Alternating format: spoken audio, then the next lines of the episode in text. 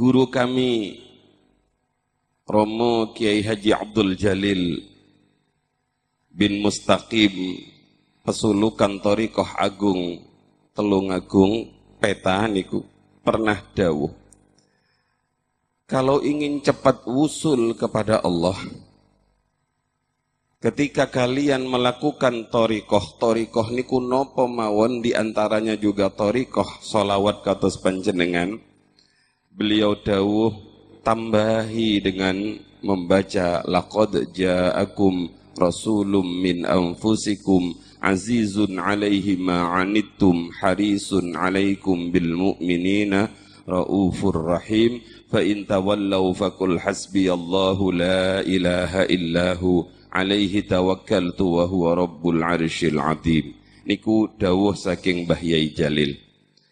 Bahyai Wahab Hasbullah salah seorang pendiri NU ketika ngaji di depan para santri pernah dawuh ngeten Hei para santri bacalah laqad ja'akum rasulun min anfusikum dan seterusnya tujuh kali setelah subuh maka kalian akan dilindungi oleh Allah sampai maghrib hatta maut sehingga kematian pun tidak akan menyentuh kalian.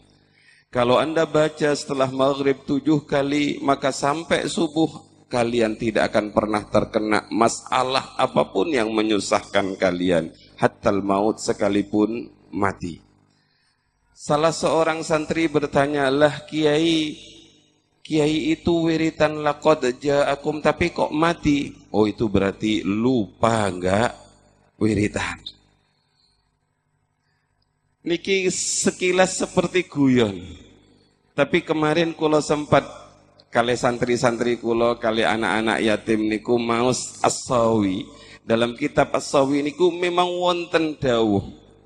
Barang siapa yang istiqomah membaca laqad ja'akum tujuh kali ba'da subuh, tujuh kali ba'da maghrib, maka dia tidak akan tertimpa musibah sekalipun kematian. Lah, di akhir tulisan niku wonten kata-kata wa idza aradallahu ayyamutahu ansahu Allahu qira'ataha. Jikalau Allah menginginkan orang itu mati, maka Allah akan melupakan orang itu tidak wiritan. Selagi panjenengan hadir di majelis Riyadul Jannah, insya Allah sampai besok nggak mati. Tapi hati-hati. Kalau Allah ingin mematikan berarti lupa besok ada jadwal Riyadul Jannah. Niku permulaan saking kulo. Pada kesempatan yang sangat singkat ini, mari bersama-sama kita niati ngaji kulo nggih ngaji. Laqad ja'akum rasulun min anfusikum. Dalam ayat ini ada beberapa kehebatan tentang pribadi baginda Rasul. Yang pertama adalah laqad ja'akum rasulun. Telah datang kepada kalian seorang rasul. Panjenengan perhatikan firman Allah niki. Telah datang kepada kalian seorang rasul. Yang datang kalian nopo rasul? Rasul. Itulah kehebatan Rasulullah. Inilah kehebatan majelis penerus baginda Rasul, majelis Riyadul Jannah. Cendengan boten datang ke dalamipun Kusrafi, cendengan boten datang ke dalamipun Habib Abdurrahman Barakbah, tapi beliau yang mendatangi panjenengan. Inilah akhlak baginda Rasul. Bahkan sebelum diangkat menjadi Rasul pun, Rasul niku sudah biasa mendatangi kaumnya. Rasulullah sudah biasa silatur rahim para kiai-kiai hampir setiap malam dari satu tempat ke tempat yang lain menjenguk umatnya dan inilah akhlak Rasulullah. Hadirin yang dirahmati oleh Allah, bukan hanya orang-orang yang baik yang didatangi, orang-orang yang tidak baik pun juga didatangi. Bukan hanya daerah-daerah yang hebat yang didatangi oleh Majelis Riyadul Jannah, tapi tempat-tempat yang sangat sederhana, tempat-tempat yang terpencil, tempat-tempat yang terpinggirkan juga didatangi. Kulo jadi ingat, setiap hari baginda Rasul niku kalau pergi ke masjid selalu ada yang ngituni. Setiap subuh Rasulullah kalau pergi ke masjid niku diitui. Suatu saat ketika Rasulullah pergi ke masjid, tumben tidak ada yang ngituni. Maka begitu selesai sholat Rasulullah bertanya, Hei kawan-kawan, hei sahabat-sahabatku, biasanya saya kalau lewat sana, lewat Bantur itu, kadang-kadang ada itu. Ini kok tumben ada yang itu nih. Jadi Rasulullah itu kadang-kadang kangen dengan hal seperti itu. Itu biasanya saya diitui. Tapi kok hari ini tumben nggak ada yang itu. Anu ya Rasul, yang itu nih jenengan saat niki sakit. Sakit. Wah, kalau kulo diituni tiang dan orang itu sakit, maka kulo pasti bilang macam-macam sama saya. Tahu sekarang kamu siapa saya. Rasulullah tidak begitu, tapi Rasulullah kemudian berkata, di mana rumahnya? Rasulullah langsung pulang menemui Sayyidatina Aisyah, "Dek, adakah sedikit makanan yang tersisa?" "Wonten ya Rasul." Tolong bungkus dengan rapi. Rasulullah datangi orang itu. Rasulullah ketok pintunya, Assalamualaikum. Karena belum Islam dia tidak menjawab. Masuk aja nggak dikunci. Assalamualaikum. Masuk aja nggak dikunci. Begitu Rasulullah buka pintu itu, betapa kagetnya orang itu karena yang datang adalah baginda Rasul yang setiap hari diidoni. Orang itu dengan gemetar berkata, Ya Muhammad, sahabat-sahabat setiaku, bahkan saudara-saudaraku, belum menjenguk aku sekalipun aku sudah sakit. Engkaulah orang yang pertama kali mendatangi aku.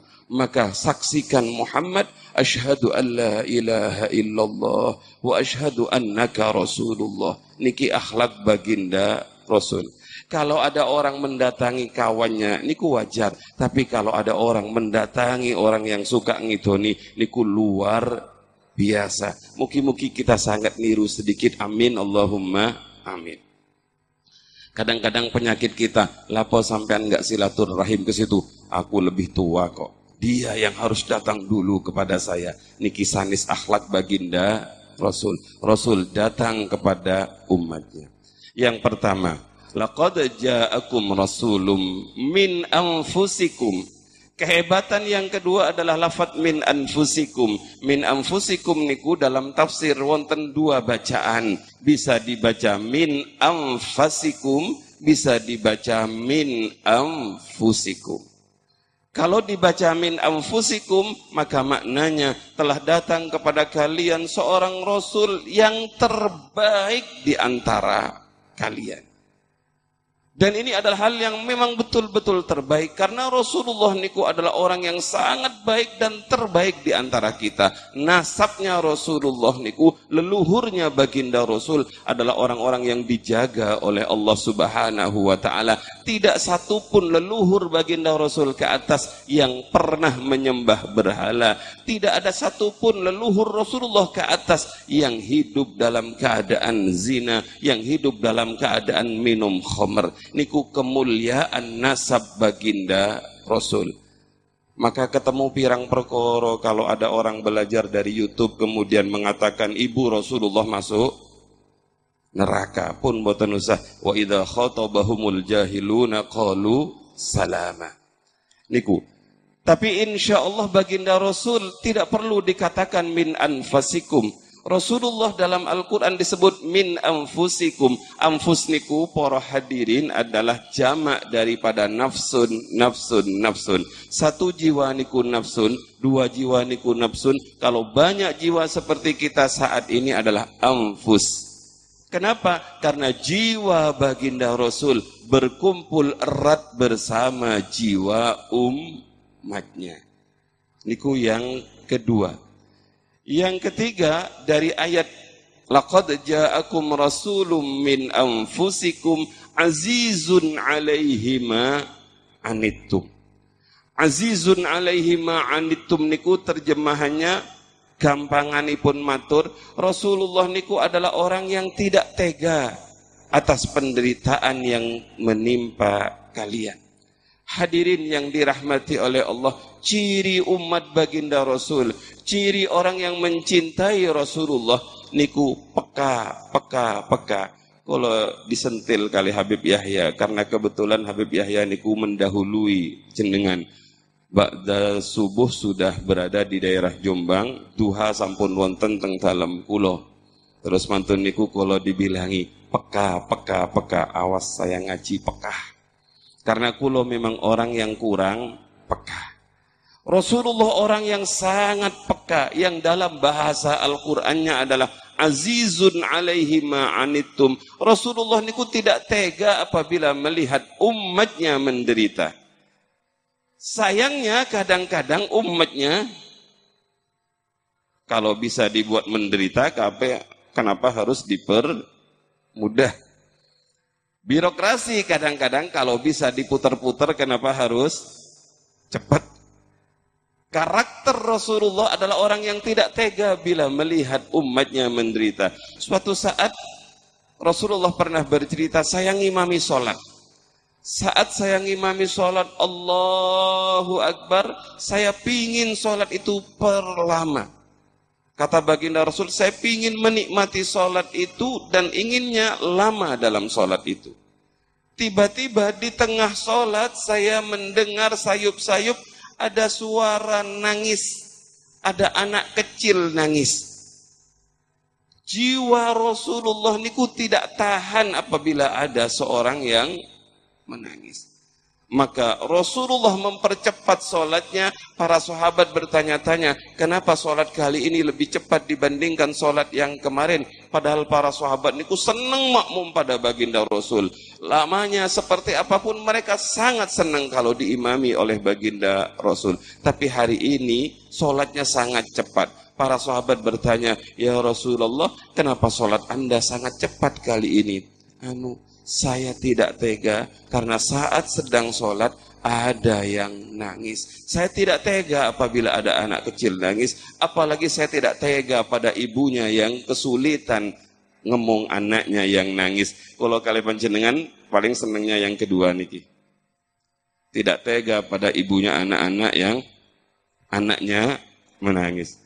Para rawuh sangat kula mulia akan ketemu pirang perkoro kalau anak kita nangis, bapaknya agak bergerak belas, itu urusan ibu. Mudah-mudahan kita, bagaimana bisa kita peduli kepada orang lain? Mulai dari rumah tangga saja kita nggak peduli. Wes lah bu, sampean urus. Sampean kan tahu, tadi malam saya pulang dari Riyadul Jannah jam berapa? Jam satu, jam dua, ngantuk saya, saya teruskan. Anaknya nangis dibiarkan. Insya Allah karakter seperti itu tidak ada dalam diri panjenengan. Amin. Allahumma amin. Hadirin yang dirahmati oleh Allah, niku kepekaan baginda Rasulullah sallallahu alaihi wasallam. Suatu saat juga ada seorang perempuan yang tiba-tiba datang kepada baginda Rasul melaporkan tentang dirinya. Ya Rasul, wonten napa Mbak? Celaka kulo ya Rasul, celaka kulo ya Rasul. Ada apa sih, Mbak? Tenang, tenang, matur sing jelas. Anu ya Rasul, kulo jenengan rajam silahkan ceng dengan hukum kulo ya Rasul. Memangnya ada apa mbak? Kulo sampun zina ya Rasul. Saking hebatnya perempuan ini, dia datang kepada baginda Rasul mengakui perbuatan jeleknya. Orang hebat niku adalah orang yang tidak menutup-nutupi kejelekannya, tapi ingin memperbaiki kejelekannya. Padahal bayangkan mbak-mbak, bayangkan ibu-ibu, itu seorang perempuan yang sifat malunya luar biasa. Matur kepada Rasul, ya Rasul, kula zina ya Rasul. Rasulullah bilang, ah enggak paling, jangan-jangan nyerempet-nyerempet. Rasulullah waktu niku noleh sampai tiga kali. Maksudipun baginda Rasul untuk urusan itu tidak perlu dipersaksikan. Akhirnya ketika perempuan itu mendesak, ya Rasul, kalau betul-betul berbuat zina, pancenengan hukum saya. Rasulullah tanya, kamu hamil enggak? Enggak ya Rasul. Rasul tidak tega dengan janin ini. Maka beliau bilang, Mbak, gimana kalau jenengan rawat dulu kandungan jenengan selama sembilan bulan. Nanti kalau sudah lahir, datang ke sini. Niki hebatnya Rasulullah. Akhirnya perempuan itu merasa bersyukur karena diberikan kesempatan berbuat baik ngeramut kandungan pun. Begitu lahir kandungan niki, bayi yang masih merah niku digendong dibawa ke hadapan baginda Rasul sambil berkata, "Ya Rasulullah, perjanjian kita telah selesai. Niki anak sampun kulo lahirkan, kulo serahkan kepada panjenengan, silahkan hukum mati kulo ya Rasulullah. Apakah Rasulullah langsung menghukum mati? Tidak. Beliau melihat bayi yang merah itu sambil berkata, Mbak, kalau bayi seperti ini sampai serahkan kepada saya, maka hilanglah hak dia, yaitu air susu jenengan. Bagaimana kalau jenengan ramut dulu dua tahun, haulaini kamilaini liman arada ayyutimmar rodha'ah. Karena tidak ada yang bisa menggantikan ASI. Kulo pernah melakukan kajian teks ningali kitab-kitab niku ternyata asi niku luar biasa nggih bapak-bapak. Jenengan paham nggih? Niku kalau ningali agak heran Habib Taufik. Kalau suasananya dingin seperti ini maka asinya ibu itu terasa anget. Bagi anaknya apa bukan bagi jenengan kalau suasananya panas terik anak nangis, begitu dia nempel ke susu ibunya, maka susunya terasa dingin. Katus dispenser gitu loh bapak-bapak. Tapi niki untuk anak bukan untuk jenengan. Maka tidak ada yang bisa menggantikan kedudukan air susu ibu. Hadirin yang dirahmati oleh Allah, perempuan ini kemudian bersyukur lagi berterima kasih kepada baginda Rasul. Ya Rasulullah, matur nuwun panjenengan berikan kesempatan kulo untuk nyusoni anak kulo dua tahun. Beliau susui sampai selesai. Begitu dua tahun selesai nyusui, perempuan itu datang kepada baginda Rasul. Beliau berkata, Ya Rasul, anak saya sudah berumur dua tahun. Sudah selesai saya susui. Sekarang silahkan hukum saya. Dan kemudian perempuan ini dirajam sampai meninggal. Para sahabat berkomentar tentang perempuan ini yang disebut dengan Imra'atun Ghamidiyah. Apa yang dikatakan oleh baginda Rasul? Hai sahabat-sahabatku, taubatnya perempuan ini kalau ditimbang dengan taubatnya 70 orang sahabat, maka lebih hebat taubatnya perempuan ini. Niku hebatnya baginda Rasul. Azizun alaihi ma anittum. Yang selanjutnya karakter baginda Rasul dalam lakot ja'akum niku adalah harisun alaikum. Rasul niku sangat pingin semua umatnya niku selamat. Makanya mulai lahir sampai wafat baginda Rasul itu tidak mikirkan siapa-siapa. Begitu Rasulullah lahir, setiap bayi lahir pasti dalam keadaan menangis. Beda dengan Rasulullah. Begitu beliau lahir, beliau sujud dalam keadaan bersih. Yang keluar dari lisan beliau adalah ummati, ummati, ummati. Kemarin kalau ningali di TV Riyadul Jannah, penceramanya membahas tentang ketika Rasulullah wafat pun sakitnya umatnya niku pingin dijadikan satu pada baginda Rasul. Sampun dibahas kemarin. Kalau niku walaupun di Jombang ngikuti jenengan bapak-bapak. Yang ketiga, Hebatnya Rasulullah begitu beliau dibangunkan, dibangkitkan dari kubur, yang keluar pertama kali dari lisannya beliau bertanya kepada malaikat Jibril, "Ya Jibril, bagaimana keadaan umatku?" Sampai di akhirat pun niku pernah wonten cerita Sayyidina Umar ibn al-Khattab radhiyallahu anhu biasa berjalan malam. Suatu saat beliau mendengar sayup-sayup ada suara tangisan. Akhirnya beliau datangi suara tangisan itu, ternyata suara itu muncul dari rumah Sayyidina Umar ibn al-Khattab. Singkat cerita, Sayyidina Umar bertanya, Ma yubakika ya Abu Bakar? Apa yang menjadikan engkau menangis wahai Abu Bakar? Kemudian Abu Bakar bercerita, saya menangis wahai Umar karena baru saja saya bermimpi. Betapa lembutnya jiwa Sayyidina Abu Bakar gara-gara bermimpi saja beliau nangis. Apa mimpi panjenengan? Saya bermimpi seakan-akan kiamat telah terjadi. Saya melihat ada sebuah bukit yang sangat indah. Pasti bukit itu adalah bukit Uhud. Karena satu-satunya gunung yang masuk surga adalah gunung Uhud. Karena gunung ini mencintai Rasulullah Sallallahu Alaihi Wasallam. Gunung saja mencintai Rasul masuk surga. Apalagi kita umatnya. Di atas gunung itu ada banyak laki-laki yang amat sangat tampan, amat sangat berwibawa. Saya bertanya kepada malaikat Jibril, wahai malaikat Jibril, siapakah orang yang berdiri di atas bukit itu? Malaikat Jibril menjawab, dia adalah al-anbiya wal mursalin. Mereka adalah para nabi, para utusan. Ngapain mereka berdiri di situ? Mereka ingin masuk sorga, tapi mereka belum diizini masuk sorga. Karena yang pertama kali harus masuk sorga adalah kanjeng Nabi. Lah di mana kanjeng Nabi? Karena kamu kawannya kanjeng Nabi, ayo saya ajak kamu lihat kanjeng Nabi. Hari ini beliau ada di Bantur. Amin Allahumma.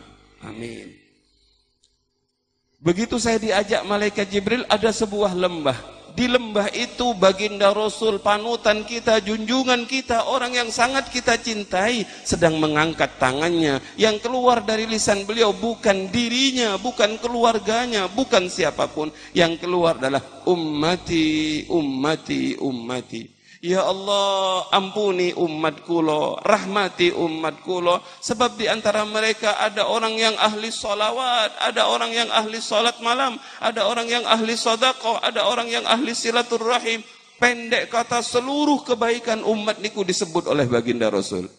Allah kemudian menjawab, Hei Muhammad, kok sing api-api tok yang sebut Riyadul Jannah, Riyadul Nabawi, nopo male grup-grup solawat niku yang disebut. Eh, kan ada juga yang grup togel. Ya Muhammad dari tadi kamu sebut umatmu yang baik-baik-baik. Bukankah yang maksiat itu juga umatmu? Bukankah yang ketangkap KPK itu juga? Bukankah yang kemarin ketilang polisi itu juga? Bukankah yang sir-siran di alun-alun itu juga? Ini namanya informasi penyeimbang. Rasulullah mengajarkan kepada kita kalau ingin ngomongi orang, omongi yang baik, baik. Tapi Allah yang maha adil menyebut juga yang jelek, jelek. Begitu umatnya yang jelek-jelek, katanya Gus Rafiq tadi, yang jelek-jelek pun didatangi, yang jelek-jelek pun juga disapa. Niku akhlak baginda Rasul. Begitu umatnya yang jelek-jelek niku disebut oleh Allah Subhanahu wa taala, Nabi Muhammad tidak lagi mengangkat tangannya, tapi Nabi Muhammad merubah posisinya sujud sampai berkata, "Ya Allah, betul niku umatku, betul yang maksiat niku umatku, yang pacaran niku umatku, yang judi niku umatku, yang maling niku juga umatku." Tapi ya Allah, sekalipun mereka berbuat maksiat, mereka tidak pernah menyembah matahari, mereka tidak pernah menyembah api, mereka tidak pernah menyembah berhala, mereka tetap mengakui panjenengan sebagai Allah. Mereka tidak mencekutukan engkau dengan selain engkau. Ya Allah, ampuni umatku lo, ampuni umatku lo. Niki perjuangan baginda Rasulullah. Apa yang terjadi para rawuh? Irfa ra'sak angkat kepalamu Muhammad. Mintalah kepadaku akan aku berikan apa permintaan kamu. Niki baginda Rasul harisun alaikum. Rasulullah pingin kita semuanya selamat. Maka ada sebuah kata-kata yang indah. Umatku seperti laron yang ingin mendekati lampu. Dan siapa yang mendekati lampu itu pasti celaka. Maka saya sekuat tenaga menghalau umatku agar agar jangan sampai terkena lampu itu. Tapi kekuatan saya terbatas. Ada beberapa umatku yang nempel ke lampu sehingga dia celaka. Mudah-mudahan kita termasuk yang disayangi, yang dilindungi oleh baginda Rasul. Harisun alaikum bil mu'minina raufur rahim. Kalau percepat, rauf dan rahim niku sifatipun Allah dua sifat Allah niku digandeng oleh Allah dan diberikan kepada Nabi Muhammad. Nabi Muhammad itu adalah nabi yang rauf, Nabi Muhammad itu adalah nabi yang rahim. Rahim dan raufnya kepada siapa?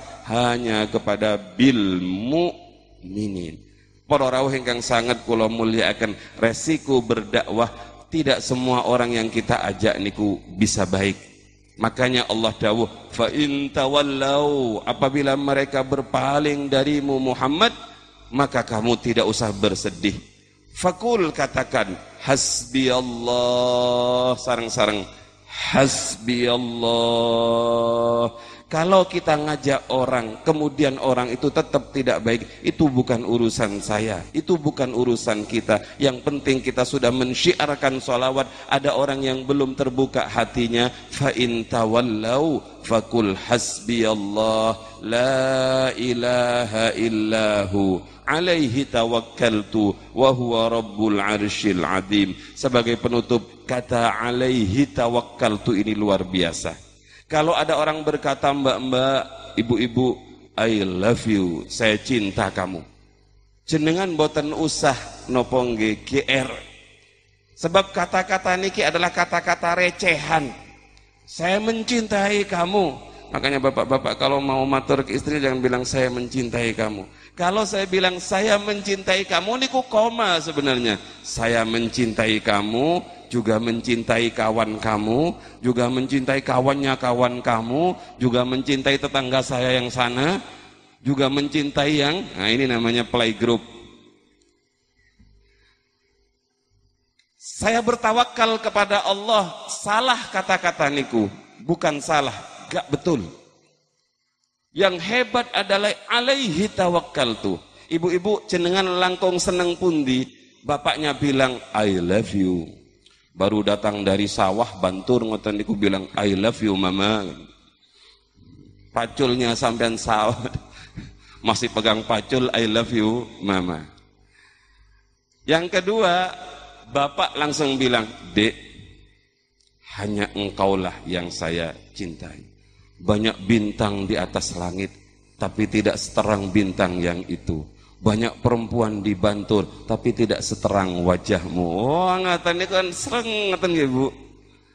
Hanya engkau satu-satunya yang saya cintai. Inilah bahasa Al-Qur'an alaihi tawakkaltu kata Habib Taufik maf'ulnya didahulukan Allahnya didahulukan yang lain tidak masuk hanya kepada Allah kita berserah diri hanya kepada Allah kita bertawakal.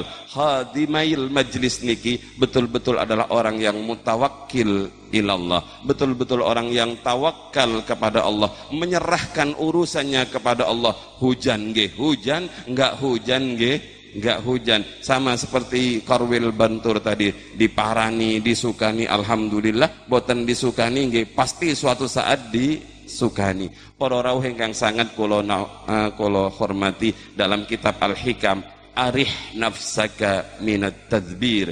Istirahatkan dirimu dari mengatur karena sudah ada yang maha pengatur yakni Allah Subhanahu wa taala. Dan aturan Allah itu lebih baik dibandingkan aturan manusia kadang aturan Allah itu terasa tidak baik di dekat kita karena hati kita tidak bersih tapi kalau hati kita bersih maka pengaturan Allah lah pemilihan Allah lah itulah yang ter baik. Nopo yang kita terima dari Allah itulah yang terbaik menurut Allah.